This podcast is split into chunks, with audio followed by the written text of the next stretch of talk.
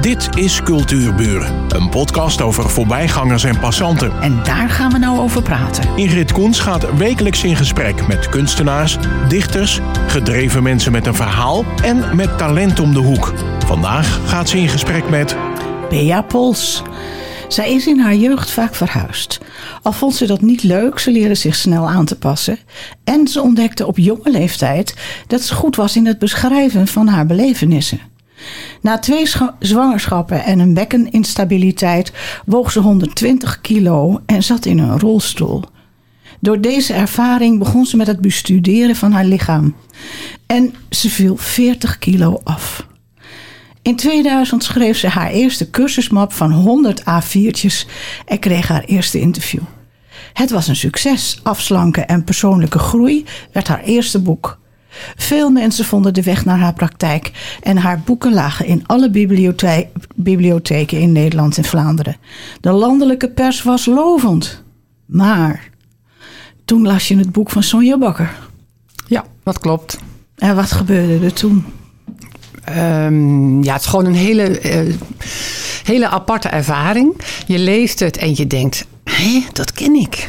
En dat is één stukje. En dan ga je nog eens verder kijken en denk dat ken ik weer, dat ken ik weer. En dan krijg je een soort, ja, een soort kippenvel over je hele lijf. Dat je denkt, hoe kan dit nou? Dat is gewoon mijn tekst. En um, ik werd later werd ik gewezen door iemand. Hè, mijn boek was ook door een redactie nagekeken. Maar ik werd door iemand gewezen op het feit dat er nog een spelfout in stond. Nou, die spelfout stond ook in het boek van Sonja. Oh, nee. En dan heb je iets van de komma, de punten, alles staat op dezelfde plaats. Ik heb met, uh, met de uitgever nog gediscussieerd over een bepaald woord. Moet dat wel, moet dat niet, moet dat eh, komma ertussen, allemaal dat soort dingen. Je weet gewoon als je elke zin geschreven hebt, weet je dat die van jou is. En dat stond dus in haar boek.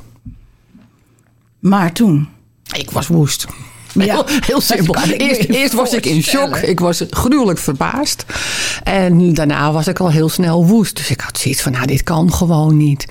Dus ik heb wel geprobeerd contact te zoeken met Sonja. En daar kwam ik niet doorheen. Want dan kreeg ik een, secretaresse. En hè, die, die hield me op afstand. En waar gaat het dan over? Wat bedoel je nou? En een beetje, dat ik denk, joh, dat staat in mijn eerste mail al. Dus hoezo? Dus ik had al zoiets van, had ik weinig vertrouwen in dat het goed zou komen. Dus ik heb, uh, omdat ik natuurlijk ook wat mensen kende in de media, heb ik wat mailtjes gestuurd. En toen is het, uh, ja, twee dagen later ontplofte dat, zeg maar. Toen was het ineens groot, uh, groot nieuws. Maar dat liep verkeerd dan voor jou? Ja, voor mij liep het hartstikke fout. Ja, ik werd ook zeker niet geloofd. En wat ik nooit had verwacht was dat Sonja meteen in de aanval zou, uh, zou gaan. En dat deed ze wel. Ze heeft mij meteen beschuldigd van plagiaat. En gezegd dat ik jaloers ben op haar succes. En nou ja, mee wil liften op haar ja, uh, populariteit, zeg maar. Dus dat, ja, dat, ik kreeg zoveel ellende over me heen. Dat was gewoon heel naar. Ja, dat kan ik me voorstellen. Ja. En wat gebeurde er met, jou, uh, met jouw praktijk? Want die, je was in de volle bloei. Ja, ik was lekker bezig. Ik had twee boeken geschreven op dat moment. En ik had samenwerking met een sportschool. Uh, ik had met meerdere bedrijven die, waar ik mee samenwerkte. En eigenlijk binnen twee weken zei iedereen de samenwerking op. Oh. En dat, was, dat, ja, dat had ik gewoon nooit verwacht. Dus dat deed heel veel met me. En uh, ik kon geen afslankgroep meer starten, want ik had geen aanmeldingen. Uh, ja, er kwam gewoon geen inkomsten, niks meer binnen. Wauw. Ja, dat was echt. Hoe lang is dat nu geleden? Uh, dat was 2006, denk ik, zo'n beetje. En toen heb ik in januari of februari 2007 heb ik het bedrijf echt beëindigd. Toen had ik zoiets van, nou, dit, dit, ik dacht eerst van dit is een paar weken narigheid en dan waait het over. Maar het waaide niet over, dus de, de storm, daar zat ik nog volop in. En toen bleek ook dat ik uh, nou, erge buikklachten had. En toen bleek dat ik geopereerd moest worden. Mijn baarmoeder moest eruit. En dan staat ook zoveel weken herstel ja. voor. En nou, ik had gewoon zoiets. Ik weet niet hoe ik dit financieel moet doen. Dus ik beëindig het bedrijf. En uh, toen heb ik mezelf een tijdje aangemeld bij de bijstand. Want het ging gewoon helemaal niet. Hoe is het nu met je? Goed. Hartstikke goed. ik denk dat we een mooi begin ja. van dit gesprek kunnen maken naar de positieve kant.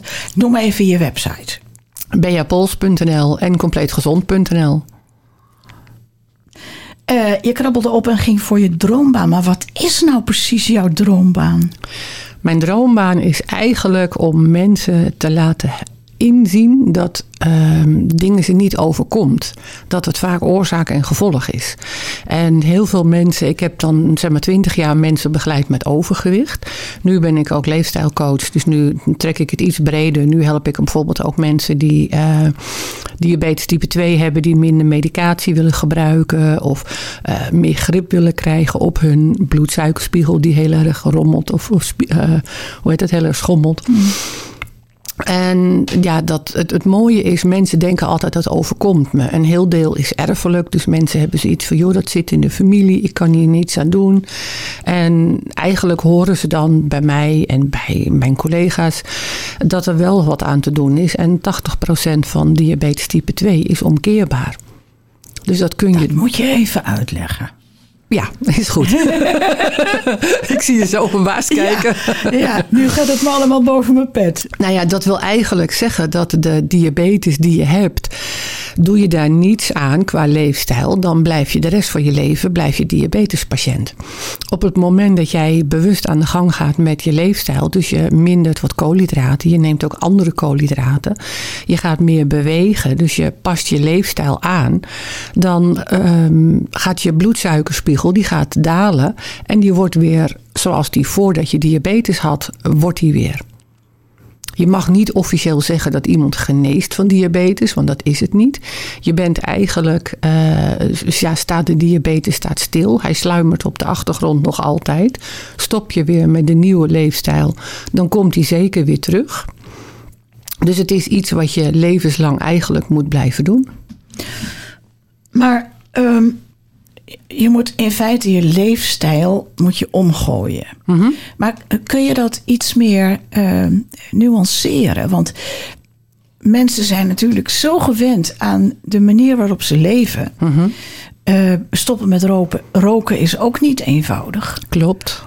Hoeveel moet je dan veranderen in een, laten we even uitgaan, normale leefstijl met medicijnen?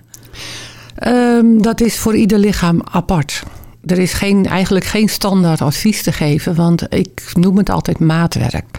Ik begin altijd met een bloedonderzoek en dat doe ik juist om alle oorzaken eerst boven tafel te krijgen. Ja. En op het moment dat we die boven tafel hebben, dan pas ga ik een advies geven wat ik verwacht dat ze qua leefstijl zullen moeten aanpassen. En wat, zullen kunnen wat vind je dan, wat, wat zoek je dan in dat bloedonderzoek? Waar zoek je naar? Um, we zoeken naar wit bloedbeeld, rood bloedbeeld. Gewoon de standaard dingen die de huisarts ook doet. Alleen de huisarts is beperkt door uh, de zorgverzekering wat hij mag aanvragen. Of wat hij mhm. mag aanvinken op zo'n papiertje. Ik vink wat meer aan, omdat ik mensen betalen het consult bij mij uh, zelf. Dus in die zin heb ik zoiets van we gaan zo uitgebreid mogelijk kijken. En ik zorg in ieder geval dat ze 35 verschillende waarden hebben. Dus we kijken naar de schildklierfunctie, uh, de koolhydraatstofwisseling de eiwitstofwisseling. Dat zijn best hele belangrijke dingen. En ook natuurlijk de lever, eh, de nieren, eh, de, de dat, dat soort dingen geeft natuurlijk heel veel informatie. Ook de mild- en de alvleesklier zitten daar nog bij. Maar ook een aantal vitamines. Vitamine D3, vitamine B12 zijn hele belangrijke vitamines. Waar en dat kun je zien in het bloed? Ja, zeker. zeker ja. Oké. Okay. Um, life coach leefstijlcoach. Leef, ja. Het is natuurlijk zo ingeburgerd, dat life coach. Ja, maar life coach is iets anders. Oh, vertel. Nou ja, dat, dat, dat, die geeft andere adviezen. En leefstijlcoach is lifestyle coach. Leg dan nu even voor mij het verschil uit. Uh, nou, lijfcoach is bijvoorbeeld, die geeft advies over hoe jij je leven moet inrichten, uh, dat soort dingen. Maar die heeft het vaak niet over voeding. Oh, dat is, dat is iets anders. Ja, ja, heel duidelijk. Heel duidelijk. Uh, stel voor, je gooit het roer om. Hè? Mm Je gaat minder koolhydraten, meer bewegen. Nou, noem het allemaal maar op. Hoe lang duurt het dan voordat je dat merkt? Er zijn mensen bij die hebben al twee weken, binnen twee weken resultaat. Dus dat, het kan heel snel gaan. Maar het hangt er vanaf. Uh, ik, ik ben op zich niet een voorstander van heel snel resultaat. Mm. Want heel snel resultaat, dat blijft vaak niet, is niet blijvend. Nee, nee. Dat is vaak tijdelijk. Het effect Ja, klopt. Ja. ja. Maar er is, er is, ik heb nog een, een brandende vraag. Ja. Uh, eigenlijk twee, maar goed, komen we direct wel op. Uh, jij bent uit je rolstoel gekomen -hmm. en je hebt 40 kilo verloren. -hmm. Hoe heb je dat toen gedaan? Door heel veel naar mijn emoties te kijken. Ik was een ontzettende emotieeter. Ik had ook al 15 jaar een eetstoornis. Oké.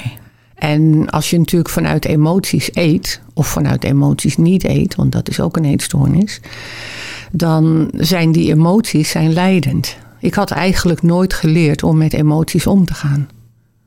Ik had geleerd dat eet je weg. In plaats van daar praat je over. Ja, bekende of, comfortfood. Tuurlijk, tuurlijk, ja. Ja, maar weet je, ik, ik hoop dat ik mijn kinderen iets meer meegegeven heb. En het is natuurlijk ook meer van deze tijd.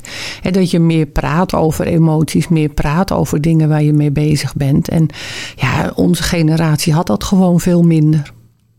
Maar hoe gevaarlijk kan dat dan zijn? Hè? Dat, uh, nou ja, als je, als je dat, dat, uh, daar lang genoeg in doorgaat.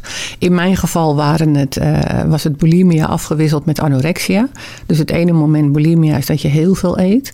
En het anorexia is dat je gewoon niks eet. Dus op het moment dat ik te veel gegeten had voor mezelf. Uh, dan, dan strafte ik daarna drie dagen mezelf door alleen water en thee te drinken. En gewoon niet, niet veel, te eten. Hè? Ja. Zo van dan komt het wel weer in balans. Ja. Ja, kwestie, nou ja, de hele dag calorieën tellen. Ik was daar de hele dag mee bezig. Oh ja. En ik heb nu geleerd, en ik zeg ook tegen al mijn klanten: we tellen geen calorieën. Dat gaan we niet doen. Want dan ben je geobsedeerd met eten bezig. Je bent eerder geneigd om de verkeerde keuzes te maken, want dan heb je zoveel calorieën weer bespaard. Terwijl je moet gaan rekenen en gaan kijken naar een gezond voedingspatroon. Ja. En heel veel mensen met overgewicht die dat langdurig hebben, zijn op uh, vitamine- en mineralenniveau ondervoed. Dus die komen echt stoffen tekort. Die hebben langdurig de verkeerde voeding gegeten. Zeg maar gewoon kort, uh, tekort. Waardoor ze dus echt tekorten hebben opgelopen. En om die tekorten weer aan te vullen, kun je niet gaan zeggen: je moet snel resultaat behalen. Je kan ook niet zeggen van uh, we gaan even snel dingen doen. Je moet die mensen eigenlijk recepten geven die zo leuk en zo uitdagend zijn dat ze zin krijgen om die te gaan maken en zin krijgen om die te gaan, e-, dat te gaan eten. Ja. Ik heb al op je website gekeken. Mm En ik ben daar ook een, een recept tegen gekomen. Dat was mijn andere vraag. En dat is heel lekker. Courgette met tomaten gehakt saus. Ja. Die vind ik echt geweldig. Maar dan staat er in één eetlepel olijfolie rood. Ja. Wat is dat? Olijfolie om te verwarmen. Oh, dat staat ook op de verpakking. Ja. ja, dat je erin kan bakken. Ja. Oh, simpel. Zeker de moeite waard voor mensen die ergens willen beginnen. Ja, dank je. ik vond hem tenminste een hele goeie. Um, ergens heb je geschreven: gewichtsverlies is goed, maar niet ten koste van je gezondheid. En dat is nu wat je zit te vertellen. Ja. Maar ja. is het dan niet vreselijk saai als je op een, ja, op een soort gezondheidsdieet moet? Nee, waarom? Geen idee, maar nee. het klinkt zo serieus. Ja, maar je kan het ook zien als goed voor je lichaam zorgen. Mm. Dat, is, dat is al heel anders dan saai. Weet je, ik, ik kan wel eten wat mijn hoofd wil. Maar mijn hoofd wil elke dag misschien wel taart. Mm. Mijn lichaam heeft niet elke dag taart nodig. Mijn lichaam denkt, doe maar wat vitamines, wat mineralen. Daar kan ik meer mee. Of geef me bouwstof, heel veel eiwitten. De, de, mijn dieet is kort gezegd minder koolhydraten mm. en meer eiwitten. Want de meeste mensen eten veel te kort eiwitten. We hebben geleerd dat ei is ongezond. Dat mag Ja. je, daar krijg je hoog cholesterol van. Dus dat mag je niet. Oh Nee. nee, het ei zit in het eh, verkeerde hoekje. Ja, dat heb ik altijd bestreden Ja. door te zeggen van het ei is op zich prima, want het heeft zijn eigen eh, afweermiddelen. Als je niet alleen het geel eet, want Mhm. die lecithine die in de buitenkant zit, in dat wit, die, die trekt die cholesterol weer Ja, in evenwicht met dat, eh, dat geel wat erin zit. ja Dus eigenlijk is het een, eh, een prima, prima eiwitbommetje. zeker. Maar wat voor eiwitten eten wij dan niet? Waar zitten eiwitten in die wij dan uit de weg gaan? Want alleen dat ei kan ik me niet voorstellen. Toch eten we gemiddeld, eten, zelfs twee, twee eieren per week halen heel veel mensen niet. En is dat zo belangrijk, dat ei? Is best heel belangrijk, ja. Ik, ik zie ook heel veel in de bloeduitslag dat mensen, uh, ook zeker door langdurige stress bijvoorbeeld, dat ze heel veel eiwitafbraak in hun bloed hebben.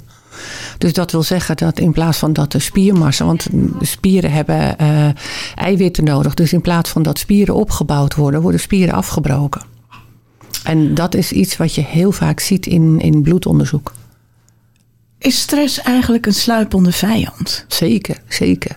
Daarom heb ik ook voor mezelf heel goed moeten leren hoe ga je om met emoties. Oké, en, is dat ook een onderdeel van Zeker, jou? zeker. Ja, want ik geef niet alleen voedingsadvies. Een leefstijlcoach kan ook beweegadvies geven. Uh, ik heb ook de uh, gedragsveranderingscoach diploma behaald. Mm. Dus in die zin kan ik mensen ook meenemen met hele kleine stapjes om ze uh, hun gedrag te laten, eerst laten inzien van wat is mijn gedrag. Heel veel mensen zeggen wel ik ben een emotie eten, maar hou maar eens een eetdagboek bij, schrijf het maar eens op. En dan zonder dat je bij mij komt en je wordt veroordeeld over wat je opgeschreven hebt, want ik heb het zelf ook meegemaakt, dus ik weet hoe moeilijk het ja, is. Ja. Dus dat scheelt mensen ook voor mensen vaak dat ze zeggen oké okay, dat, dat helpt. En dan geef je dat aan en dan kun je zeggen van joh, hoe gaan we dit stapje voor stapje, stukje bij beetje, hoe gaan we dit veranderen? Dus voor ongezonde voeding is altijd een alternatief. Zeker, ja. Um, en wat zou je dan um, aanraden? Als, gewoon, hè, even, even los van alles. Wat zou -hmm. je de meeste mensen waarvan jij denkt: oh, maar jij eet verkeerd, gewoon uh, aanraden om mee te beginnen. Want je goed moet zo... ontbijt. ja, ja, dat vind ik ook een goeie hoor. Dat doe ik ook. Ja. En wat versta je dan onder een goed ontbijt? Een goed ontbijt is bij mij altijd eiwitten. Wij zijn in Nederland gewend boterhammetje kaas. Hmm. Dan mag je al blij zijn als het een bruin boterhammetje is. He, anders dan komen ze nog met een witte boterham aan. Of het is een boterham met hagelslag, pindakaas, chocoladepasta. Allemaal suiker. Dus dat is suiker bij suiker, koolhydraat met koolhydraat. Dat werkt niet. Beginnen met eiwitten. En dus dat is echt uh, volle yoghurt. Uh, de Griekse yoghurt 10% vet.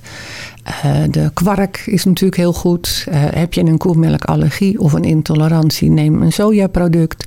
Maar begin met, uh, met de eiwitten.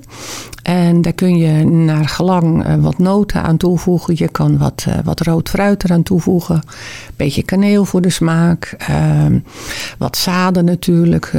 je hebt zonnebloempitten, chiazaad, lijnzaad. Er is van alles mogelijk. granola kun je zelf maken. Maar niet die uit de supermarkt. Want dat is een groot deel suiker.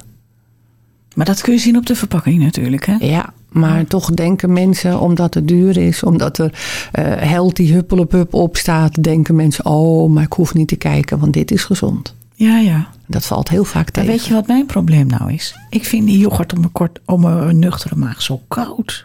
Ja, dat kan. Wat kan ik dan eten? Brintapap.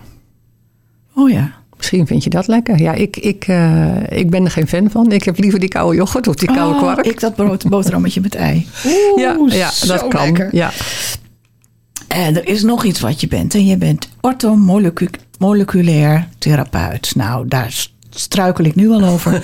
dus alsjeblieft, leg het me uit. Ja, um, nou, als voedingscoach, gewichtconsulent, leefstijlcoach bekijk ik naar de macrovoedingsstoffen. Dus dat zijn de eiwitten, de vetten en de koolhydraten. Als orthomoleculair therapeut kijk ik naar de micro. Dus dat zijn de vitamines, de mineralen. Oké. Okay. Heel simpel gezegd. En beide moeten natuurlijk in balans zijn. Want als jij een vitaminetekort hebt en er kunnen bepaalde processen in jouw lichaam niet gebeuren. Ja, dan draait dus de boel van binnen wel een beetje in de soep. Ja, maar vertel me nou eens wat die vitaminen voor invloed hebben.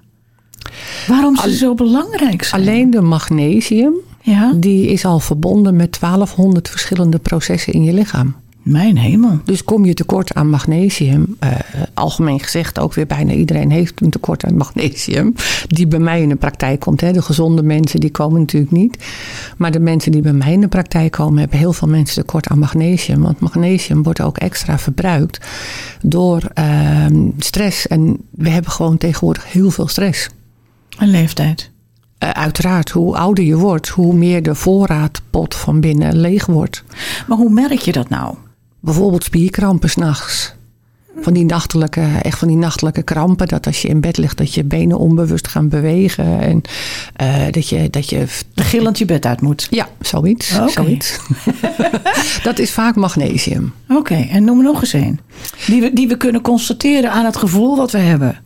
Nou, wat je, wat je van vermoeidheid kan merken, B12 komt ook heel vaak een tekort van. Wat je aan, uh, we hebben natuurlijk nu, uh, nee, dat, dat maakt niet uit, ik wil wat anders zeggen, maar. Uh, je mag alles zeggen. Ja, precies. Ik geloof je sowieso. ja, maar laat ik, laat ik het wel waar houden. maar B12 is vaak vermoeidheid dat heel veel mensen zijn eigenlijk heel erg moe. En we hebben natuurlijk best wel een gekke periode achter de rug. Met eerst een aantal jaren coronacrisis. Daarna de oorlog Oekraïne die toch uh, heel veel invloed heeft op ons, uh, ons leven. En de boodschappen, alle prijzen, alles is verhoogd. Dat geeft bij mensen heel veel stress. En je merkt dat heel veel mensen moe zijn. En, en moe blijven. Ja. Dat is ook heel herkenbaar. Ja, ja, maar als je dan een vitaminesupplement van met een B12 neemt, dan merken die mensen echt binnen 14 dagen van: hé, hey, ik kom thuis uit mijn werk en ik heb niet het idee, ik moet op de bank zitten, want ik ben back af, ik heb zin om dingen te gaan doen. Maar nog wat anders, kun je die bijeten? Zijn er, zijn er producten waar ze in zitten, magnesium en B12? Alles alles is in voeding te vinden. En ik zeg ook altijd: voeding is de basis. Je begint met het aanvullen als het kan op een natuurlijke manier. Maar als je uit een, een bloedonderzoek al ziet dat de tekorten dusdanig groot zijn, dan is het vaak een combinatie. Dus en probeer wat meer uit de voeding te halen. En daarnaast probeer ook wat meer uh, te suppleren. Dus, dus uh, door een vitaminepilletje in te nemen. Hoe kan ik nou meer uit voeding halen? Door de juiste voeding te kiezen onbewerkt. Hè, want dat, dat heeft er ook mee te maken. We zijn ontzettend gewend in pakjes en zakjes eten. En uh, hoe makkelijker, hoe sneller klaar. Kant-en-klaar maaltijden uh, die in de magnetron gaan. Nou, de magnetron die vernietigt een heel deel van de vitamine en de mineralen. Dus je houdt gewoon minder over. Ook al gaat er heel veel groente in, gooi je het in de magnetron. Ja, dan blijft er gewoon weinig van die vitamines over. Ik heb je ergens horen zeggen, we moeten groener gaan eten. Zeker. Maar nou vroeg ik me af, spersiebonen en snijbonen en groene asperges.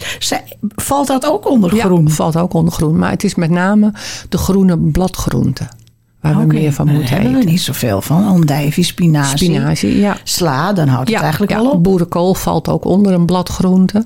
En ja, deze is heel grappig. Die valt ook onder bladgroente. Groene bladgroente, maar die is wit. Dat is de witlof. Oh, Omdat die onder de grond geteeld is. Maar die heeft wel dezelfde uh, goede stoffen, zeg maar. Met name het chlorofiel gaat het dan om. Die heeft de witlof ook. Nou, die vind ik ook lekker. Ja, ik ook. Heerlijk. Hé, hey, maar als je die rauw eet, is dat dan beter als dat je hem koopt? Nee. Op zich niet. Maakt niks uit. Het, nou, niet te lang koken. Precies, niet, niet overkoken en niet doorkoken. Niet in de magnetron bereiden. De oven kan prima. Stomen kan natuurlijk prima. Kort koken kan ook altijd. Maar we eten het gewoon te weinig. Mm, ik ga meteen beginnen. Uh, moet je luisteren. Ik heb jou ook leren kennen als dichter. Ja. En ik heb je ook gevraagd een gedicht mee te nemen. Ja. En um, nou ja, ik zou zeggen laten we gaan luisteren. Is goed. Um, dit gedicht komt uit mijn boek uh, Ontwikkel weer liefde en respect voor je lichaam 2000. Dit keer geef ik niet op.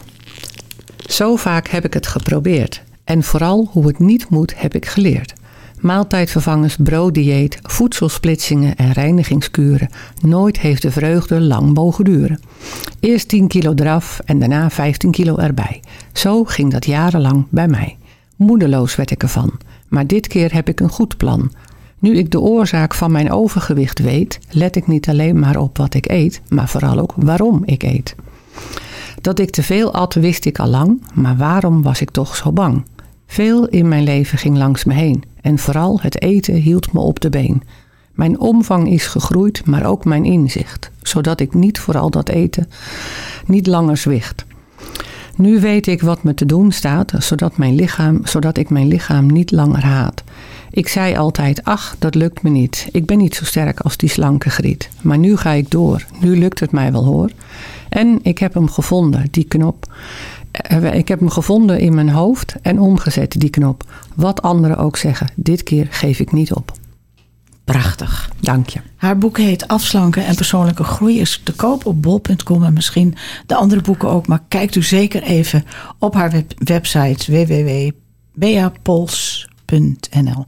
Heerlijk dat je er was. Dank je wel. Tot gauw. Dank je wel. Dit was Cultuurburen. Een podcast van Ingrid Koens en Streekstad Centraal. Bedankt voor de aandacht en tot de volgende Cultuurburen.